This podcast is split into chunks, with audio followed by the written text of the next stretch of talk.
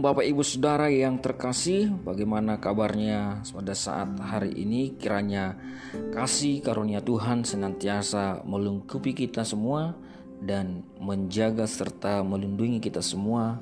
Dan Tuhan senantiasa menolong kita Mencukupkan segala kebutuhan kita. Nah Bapak Ibu Saudara kita kembali lagi merenungkan firman Tuhan.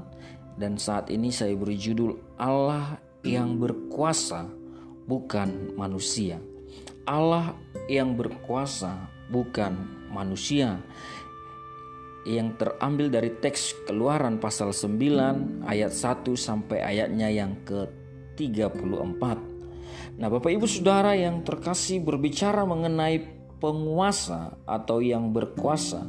Sering sekali dalam benak pikiran kita merujuk kepada sesama manusia Hal yang sering kita lihat dalam masa ini dan kita sebut sebagai negara adidaya atau superpower adalah Amerika. Ketika berbicara mengenai kuasa, setiap kita langsung merujuk kepada orang, kepada kelompok atau negara yang lebih kuat dari kita sendiri. Kita sering lupa bahwa ternyata Allah lah yang berkuasa, bukan manusia. Di dalam sepanjang sejarah kehidupan manusia, Allah selalu menunjukkan dirinya kepada manusia bahwa Allah lah yang menjadi penguasa, bukan manusia ataupun kelompok. Hal ini seharusnya menyadarkan kita untuk tidak menilai diri kita atau kelompok maupun negara atau bangsa tertentu sebagai penguasa atas bumi ini.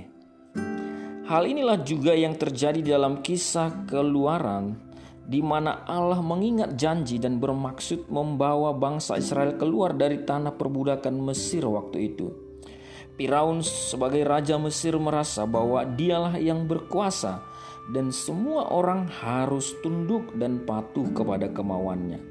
Hal ini disebabkan oleh karena Mesir saat itu sebagai bangsa superpower yang menjadi penguasa dunia. Firaun menganggap bahwa dirinya lah yang layak ditaati dan tidak boleh dibantah. Perasaan Firaun sebagai yang berkuasa atas semuanya mendorong dia untuk melakukan kekejaman sesuka hatinya kepada bangsa Israel. Firaun lupa akan adanya Tuhan Allah yang dipercayai, diimani oleh orang-orang Israel. Firaun lupa bahwa Allah lah penguasa atas segalanya oleh karena itulah, ketika kita melihat Kitab Keluaran, maka akan begitu jelas pesan yang disampaikan bahwa manusia itu harus tahu dan mengenal bahwa Tuhanlah yang berkuasa atas segalanya dan membebaskan umatnya. Dalam bagian ini kita akan secara khusus melihat dalam keluaran pasal 9 ayat 1 sampai 34 di mana LAI membaginya menjadi tiga perikop Bapak Ibu Saudara. Di dalam pasal 9 ini kita menemukan ada tiga tulah yang Tuhan berikan sebagai tanda kekuasaannya kepada Mesir secara khusus kepada Firaun. Dalam ayat 1 sampai 7 adalah berbicara mengenai tulah kelima yaitu penyakit sampar kepada semua ternak orang Mesir. Sementara di ayat 8 sampai 12 adalah berbicara mengenai tulah keenam, yakni barah pada semua binatang dan juga orang Mesir. Dan ayat 13 sampai 34 adalah berbicara mengenai tulah ketujuh, yakni hujan es yang menimpa seluruh tanah Mesir, baik tanaman, hewan maupun orang yang ada di ladang. Dalam bagian pertama di ayat 1 sampai 7 di mana Tuhan menyampaikan firman-Nya kepada Musa untuk menghadap kepada Firaun dan menyampaikan firman Tuhan supaya bangsa Israel dibiarkan pergi meninggalkan Mesir. Kemudian Allah memberikan konsekuensi jika Firaun menolak maka penyakit sampar akan turun dan kena kepada seluruh ternak baik kuda keledai, unta, domba, lembu, sapi dan kambing domba maka tulah ini akan mengenai seluruh ternak orang Mesir jika Firaun menolak firman Tuhan. Tetapi ternak orang Israel akan dibuat Tuhan perbedaan dan tidak kena tulah ini. Dan ternyata Firaun tidak taat kepada firman Tuhan sehingga konsekuensi tulah ini pun terjadi kepada orang Mesir di mana semua ternak orang Mesir mati oleh karena penyakit sampar ini. Tetapi ternak orang Israel tidak ada satupun yang mati. Melihat kejadian ini, Firaun tetap mengeraskan hatinya dan tidak mau taat kepada firman Tuhan dan tidak mau mengizinkan bangsa Israel keluar dari Mesir. Melalui kisah itu kita melihat Allah yang berkuasa atas segala ternak dan juga segala keadaan dan musim. Allah menggenapi apa yang difirmankannya sekalipun harus mendatangkan penyakit. Namun hal itu tidak didatangkan kepada mereka yang percaya dan taat melainkan kepada mereka yang tidak percaya dan tidak taat. Perhatikanlah dengan jelas pesan yang disampaikan bahwa ada konsekuensi negatif kepada orang yang tidak percaya. Ada penghukuman kepada orang yang menolak firman Tuhan. Namun sebaliknya ada perlakuan istimewa dari Tuhan kepada orang-orang percaya. Ada pertolongan Tuhan bagi mereka yang percaya. Ada tangan Tuhan yang melindungi mereka yang percaya.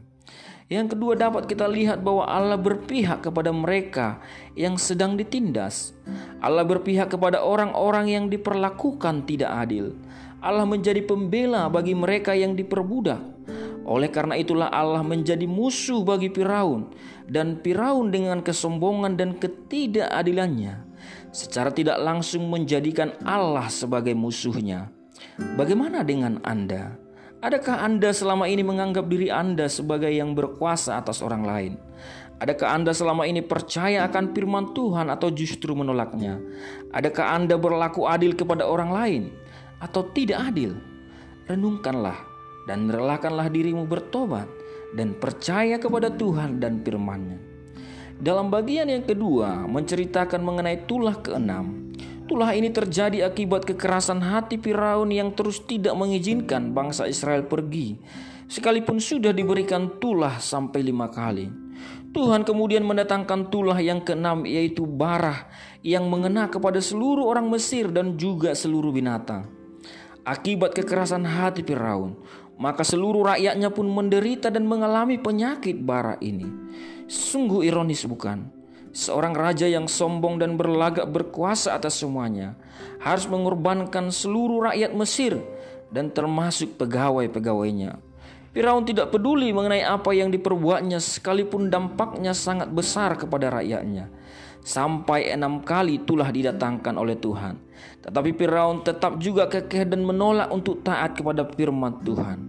Oleh karena itu di dalam kemahatauan Allah akan setiap pribadi, maka Allah mengeraskan hati Firaun sebagai bentuk penghukuman atas perlawanannya kepada Allah. Allah hendak menunjukkan kepada Firaun dan sekaligus kepada dunia karena Firaun dan Mesir menjadi simbol kekuasaan dan kekuatan dunia masa itu bahwa Tuhan Allah lah yang berkuasa atas segalanya. Tindakan Allah mengeraskan hati Firaun sebagai bentuk penghukuman atas Firaun yang didasarkan oleh kemahatauan Allah akan masa depan, di mana Allah tahu Firaun tidak akan berubah. Allah mengenal hati Firaun. Allah juga mengenal hati setiap pribadi. Adakah engkau, adakah kita saat ini sedang mengeraskan hati atas firman Tuhan? Adakah engkau saat ini sedang menolak firman-Nya? Jika ya, segeralah lembutkan hatimu dan berikan dirimu diajar oleh firman-Nya.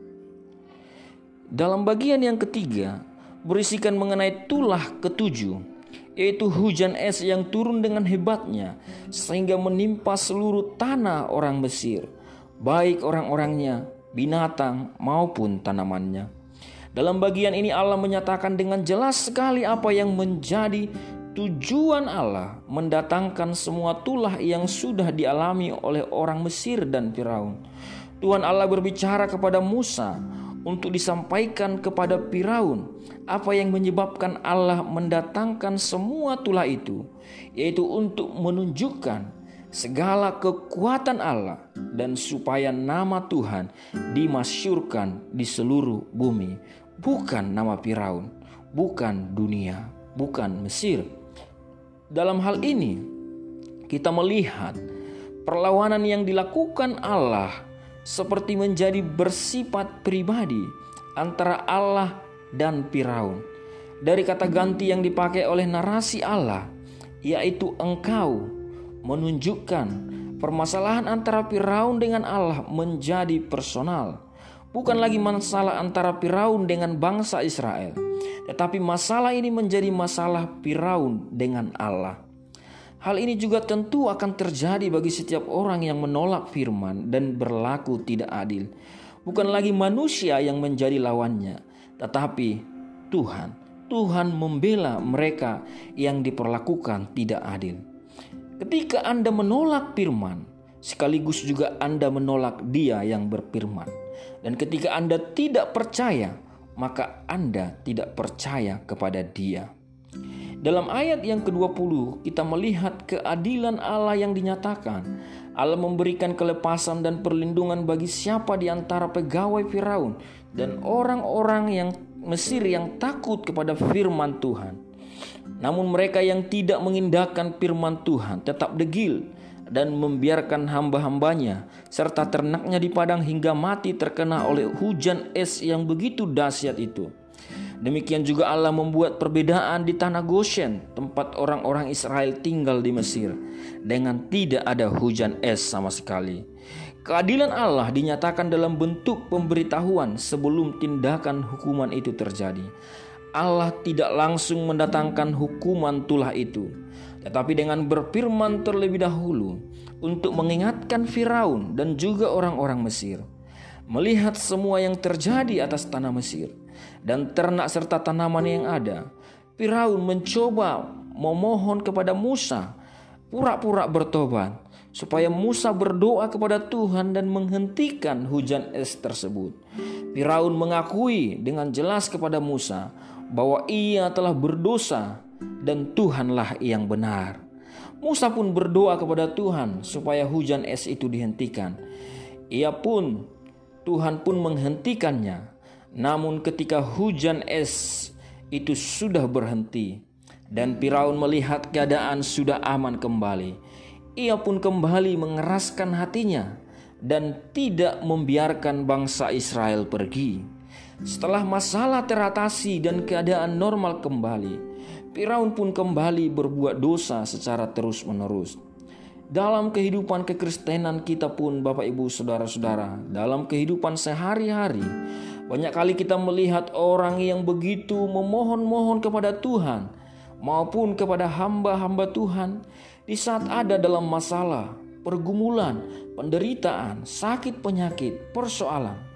Namun setelah semua persoalan itu selesai teratasi, baik dengan terjadinya mujizat dari Tuhan maupun dengan pertolongan sesama orang percaya, maka kembalilah orang itu kepada hidupnya yang lama dan lupa kepada Tuhan seperti Firaun.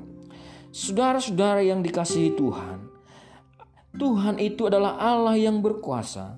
Tuhan adalah penguasa atas segala yang ada, baik langit maupun bumi, baik hidup maupun mati. Oleh karena itu, mari kita senantiasa merendahkan diri di hadapannya percaya senantiasa kepada firman-Nya serta menjadi pelaku firman-Nya. Saya percaya Bapak Ibu Saudara, melalui renungan ini kiranya membawa kita kepada pengenalan yang benar akan Tuhan sehingga membawa kita juga kepada pengenalan yang benar akan diri kita. Terpujilah nama Tuhan Yesus Kristus. Tuhan Yesus memberkati kita semua. Amin. Muliakanlah Tuhan senantiasa dalam hidupmu. Haleluya.